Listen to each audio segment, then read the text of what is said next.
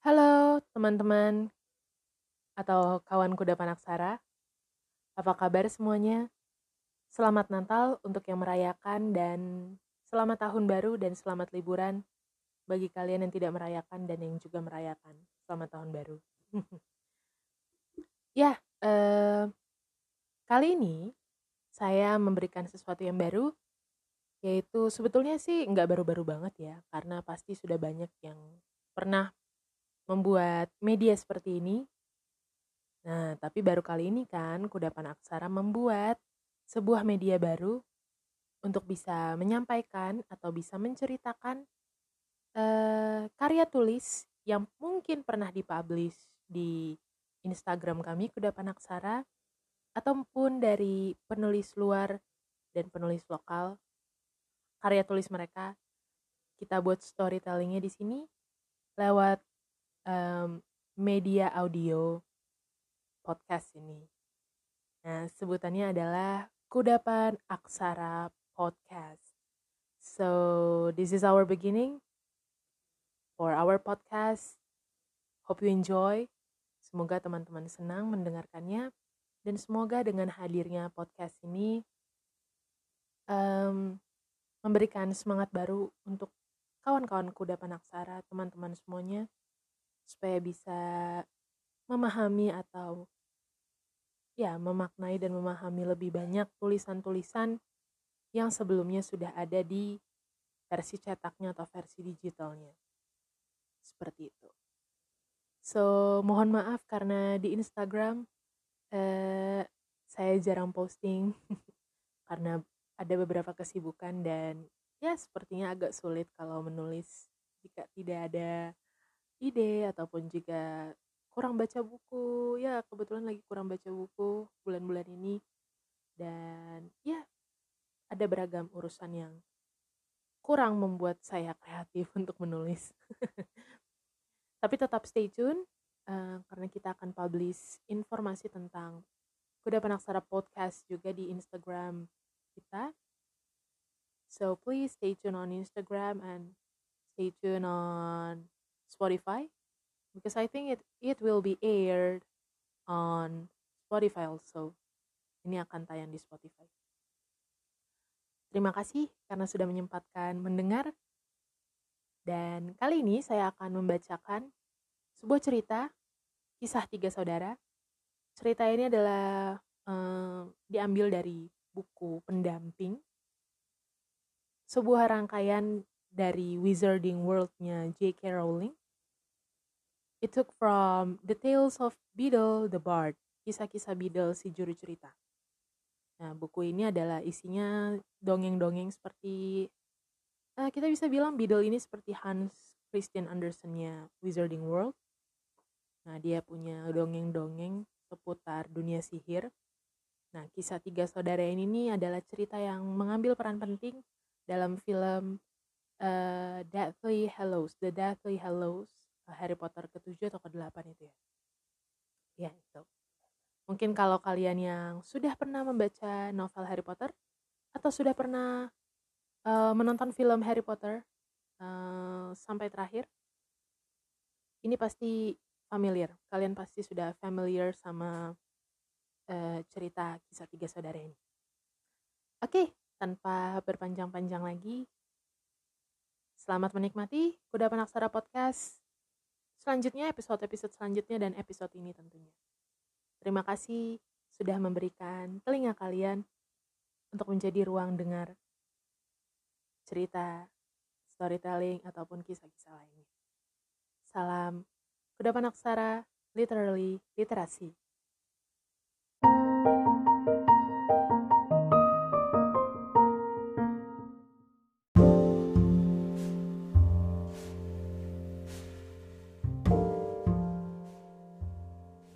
Kisah tiga saudara, karya Bidel si juru cerita.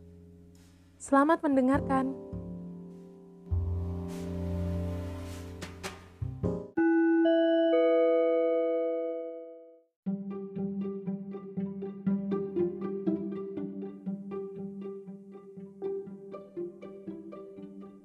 Pada zaman dahulu, ada tiga saudara. kakak beradik laki-laki yang berkelana melewati jalan panjang berliku-liku di senja hari.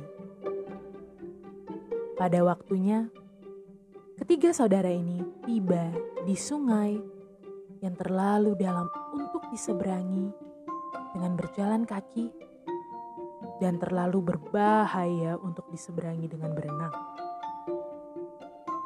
Meskipun demikian, ketiga saudara ini menguasai ilmu sihir.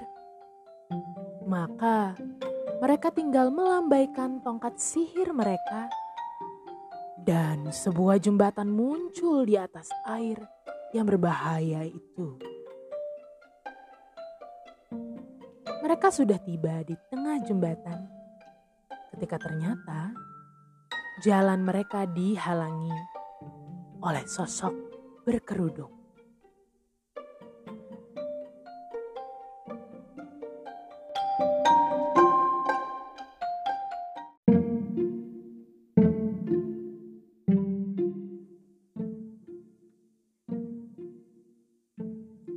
Siapakah sosok berkerudung itu? Apakah kamu tahu? Ya, itu adalah kematian. Dan kematian berbicara kepada mereka. Dia marah telah kehilangan tiga korban baru. Karena para pengelana biasanya tenggelam di sungai tetapi kematian licik. Dia berpura-pura memberi selamat kepada ketiga saudara ini atas sihir mereka dan berkata, masing-masing berhak mendapatkan hadiah karena telah cukup pintar untuk menghindarinya.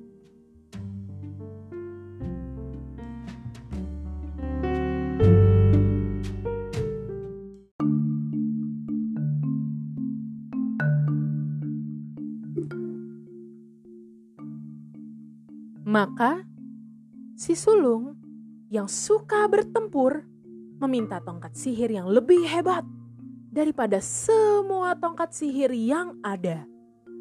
Tongkat sihir yang harus selalu memenangkan duel bagi pemiliknya. Tongkat sihir yang layak diterima penyihir yang telah mengalahkan kematian. Maka kematian menyeberang ke sebatang pohon elder di tepi sungai. Ia membuat tongkat sihir dari dahan yang menggantung di sana dan memberikannya kepada si sulung. Kemudian si tengah, orang yang sombong, memutuskan dia ingin mempermalukan kematian lebih jauh lagi dan meminta kekuatan untuk memanggil yang lain dari kematian. Maka kematian memungut sebutir batu dari tepi sungai dan memberikannya kepada si tengah dan memberitahunya bahwa batu itu akan memiliki kekuatan untuk mengembalikan orang yang sudah mati.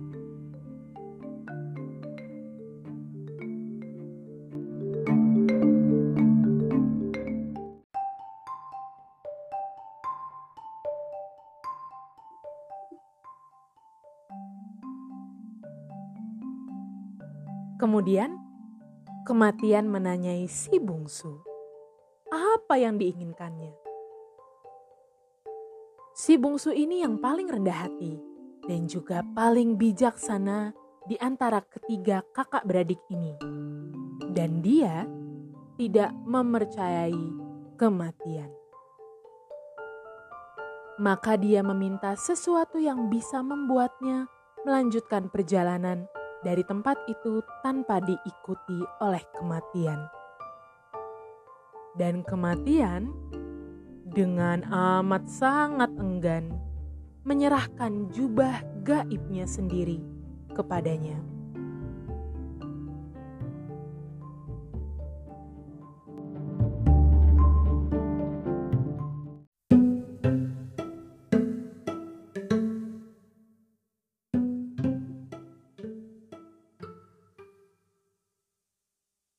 Kemudian kematian menyisih dan mengizinkan ketiga kakak beradik itu melanjutkan perjalanan mereka.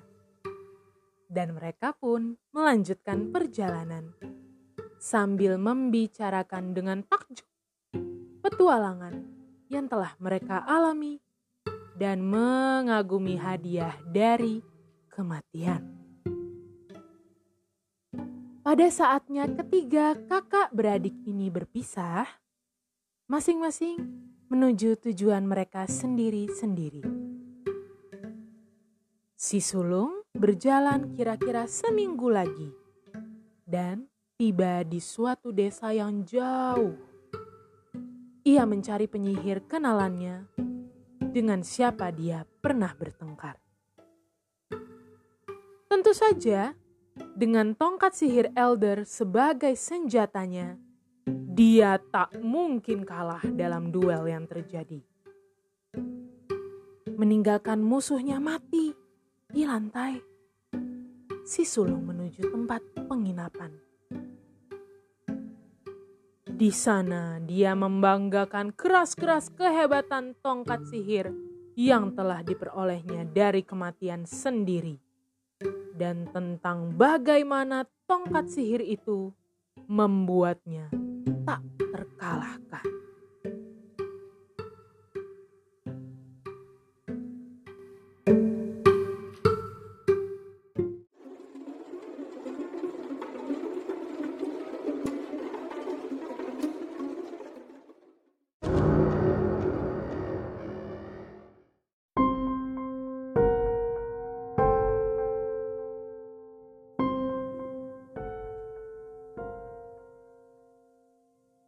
Itu juga, seorang penyihir lain mengendap-endap mendatangi si sulung yang sedang terlelap bersimbah anggur di tempat tidurnya. Pencuri ini mengambil tongkat sihirnya dan sebagai tambahan menggorok leher si sulung. Maka kematian mengambil si sulung sebagai miliknya. Sementara itu, si tengah pulang ke rumahnya, tempat dia hidup sendiri. Dia mengeluarkan batu yang memiliki kekuatan untuk memanggil orang mati dan memutarnya tiga kali dalam tangannya. Satu, dua, tiga.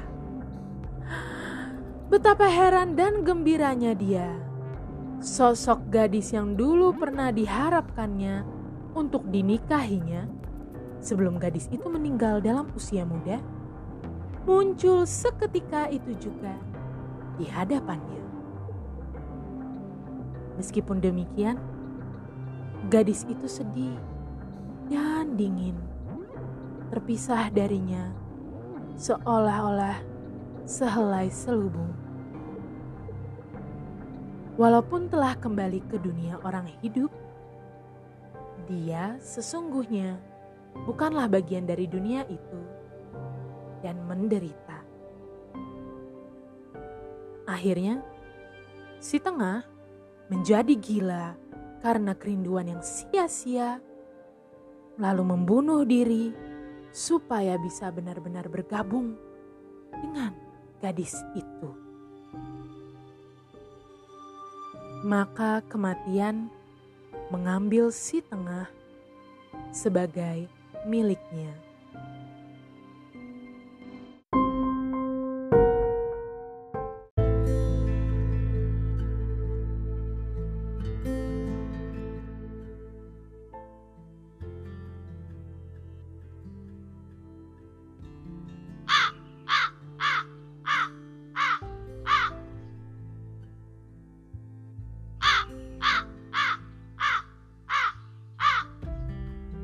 Namun, meski kematian mencari si bungsu selama bertahun-tahun, dia tak pernah berhasil menemukannya. Barulah ketika telah mencapai usia sangat lanjut, si bungsu membuka jubah gaibnya dan memberikannya kepada anak laki-lakinya. Dan kemudian dia menyalami kematian sebagai teman lama dan pergi bersamanya dengan senang.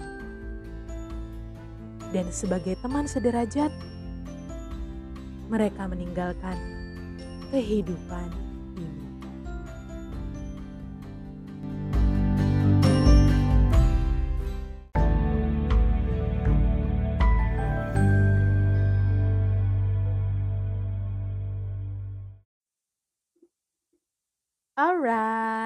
Yeay.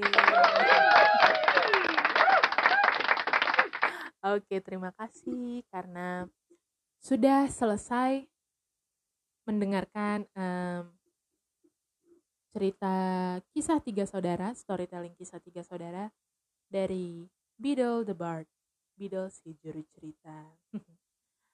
ah, kalau misalnya kita membahas lebih lanjut ya, atau ya mengulas bukunya sendiri sih, buku The Tales of Beadle the Bard ini. Kalian harus punya sih kalau menurut saya kalian harus baca. Karena ini uh, sebetulnya bacaannya ringan tapi mungkin bahasanya agak tajam ya. Jadi kalau misalnya anak-anak atau keponakan kalian atau siapa pun yang masih kayak kecil kalian anggap terlalu mudah untuk membaca ini ya mohon dibimbing karena ada beberapa kata-kata yang uh, cukup tajam jadi uh, ya seperti ada kata membunuh lalu juga bunuh diri, lalu juga ya eh, kematian. Seperti itu kata-kata yang mungkin cukup tajam sehingga mohon bimbingannya untuk teman eh, teman-teman kawan kudapan yang masih kecil yang mau membaca buku ini. But basically this book is very entertaining. Ini bukunya menghibur sekali.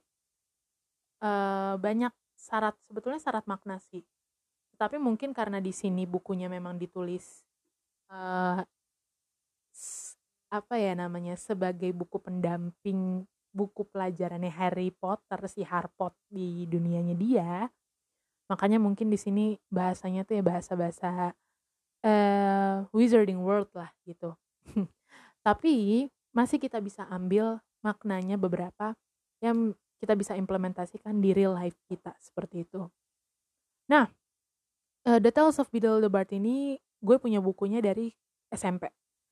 Jadi waktu itu gue beli ini di Gramedia. Buku ini waktu itu kayak jarang ditemui, masih jarang ditemui, nggak sesering sekarang.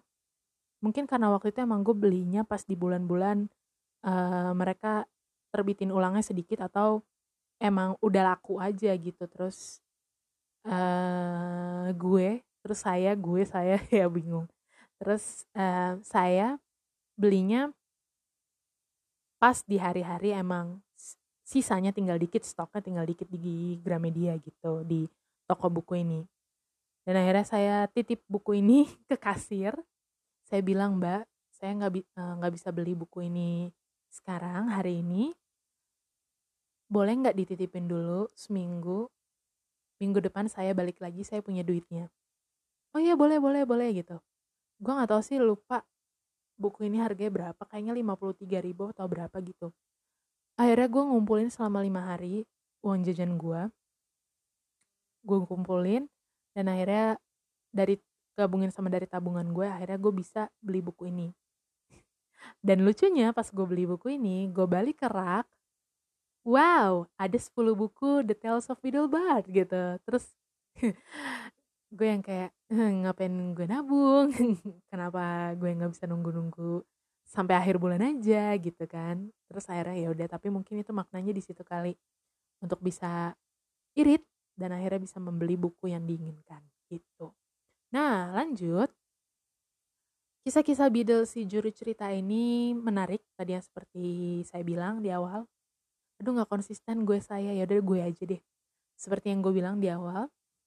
Jadi buku ini menceritakan lima dongeng beragam dengan karakter magisnya masing-masing yang akan menghadirkan kegembiraan, tawa, dan ketegangan bagi para pembaca.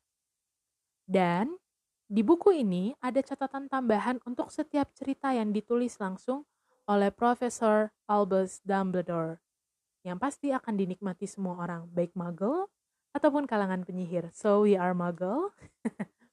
Jadi kita bisa menikmati buku ini. Ya, tadi yang seperti dibilang, uh, tiap uh, dongeng ini selesai, ada catatan di baliknya, ada catatan dari Dumbledore sendiri. Uh, refleksi dia ketika dia membaca cerita ini. Memori dia ketika dia mungkin dulu pernah dinina boboin sama mamanya si Dumbledore ini pakai cerita ini gitu kan. Nah, salah satunya kisah tiga saudara ini adalah salah satu cerita pengantar tidur yang dibacakan oleh ibunya Dumbledore, oleh nyokapnya Dumbledore. Ini seru sih, karena kita bisa kayak apa ya? Involve, kita bisa masuk ke dunianya Dumbledore, kita bisa menyalami lebih dalam pikiran-pikiran Dumbledore dan juga cerita uh, magic uh, magic what is it? Magic magical story ya. Cerita yang magis dan berputar di kehidupan wizarding uh, apa wizard world itu sendiri. Ini ini ringan. Jadi bagi siapa pun yang mau membaca uh, cerpen-cerpen yang cukup berbeda pembawaannya uh, yang agak sedikit dark tetapi tetap menghibur juga kalian bisa baca The Tales of the Beedle Bard ini. Beedle the Bard ini. Dan um, makna dari kisah tiga saudara ini yang pasti mungkin relate sama kehidupan uh, gue di hampir 25 tahun. Ya karena nanti di tahun depan uh, gue akan nonton 25. wow, sudah tua. Oke. Okay. Um, mungkin yang relate adalah kita harus memilih jalan hidup yang bijak sih. Like the what is it the youngest brother. Kayak si anak bungsu ini kan dia memilih jalan yang bijak lebih bijak daripada kakak-kakaknya. Kan karena kakak kakaknya itu yang satu yang dua uh, meninggal secara tidak baik dijemput ke oleh kematian dengan cara yang tidak asik tidak enak tidak nyaman. Nah si bungsu ini malah lebih memilih untuk hidup berdamai, hidup damai, sorry hidup damai dan jauh dari kematian dulu. Dia istilahnya apa ya seperti mempermainkan kematian tetapi dia tidak mempermainkan tetapi dia uh, lebih memilih untuk menghindari kematian terlebih dahulu dengan caranya dia sendiri. Dan akhirnya ketika dia sudah siap dia memberikan cloaknya itu jubahnya dia kepada anaknya dan ia berdamai dengan kematian dan akhirnya meninggal dengan tenang. Di sini pesannya bukan artinya kita harus apa ya? Yang bagaimana gimana maksudnya kita harus lebih bijak sih. Semakin kita dewasa, semakin kita harus lebih lebih lebih bijak memilih jalan hidup kita. Kita nggak perlu muluk-muluk yang namanya mikirin kekuasaan, duit, ataupun omongan orang. Selama itu membuat hati lo tenang, selama itu membuat hati lo damai, membuat lo bisa menjalankan kehidupan yang senormal mungkin, sebaik mungkin versi lo, ya lo gak perlu takut gitu loh. Karena pada akhirnya nanti semua orang akan sampai di titik yang sama gitu kan. Tapi memang mungkin jalannya yang beda-beda gitu karena yang gue bilang yang gue bisa tangkap di sini ketiga kakak beradik ini semuanya meninggal gitu kan tetapi memang caranya beda-beda karena pilihan hidup mereka juga beda-beda nah semoga teman-teman kawan kuda panaksara yang mendengar podcast ini bisa jalan hidupnya lebih berwarna lagi, lebih baik lagi di tahun mendatang, tahun 2022. Semoga nggak terlalu banyak stres lagi, yang mungkin masih jomblo kalau mau punya pacar semoga dapat pacar. Yang sudah bekerja tapi pengen pekerjaan yang lebih bagus semoga dapat pekerjaan yang lebih enak lagi gajinya lebih enak lagi nggak tahu ya. Mungkin yang ada masalah hidup semoga masalah hidupnya cepat selesai dan semoga yang eh mungkin lagi ada di sebuah hubungan yang gak enak semoga bisa lepas dari hubungan tersebut yang toksik. Semoga kalian lebih bahagia di jalan kalian masing-masing, di versi kalian masing-masing. So, be wise. Selalu bijak atas pilihan kalian dan semoga saya pun juga begitu, bisa lebih bijak lagi. Karena semakin tua, semoga kita semakin bijak. Well, that's all. Terima kasih atas uh, telinga kalian dan waktu yang kalian telah berikan kepada podcast Kuda Panaksara kali ini. So see you on the next Kuda Panaksara podcast and see you on the next story. Bye bye. Terima kasih semuanya dan salam literally literasi.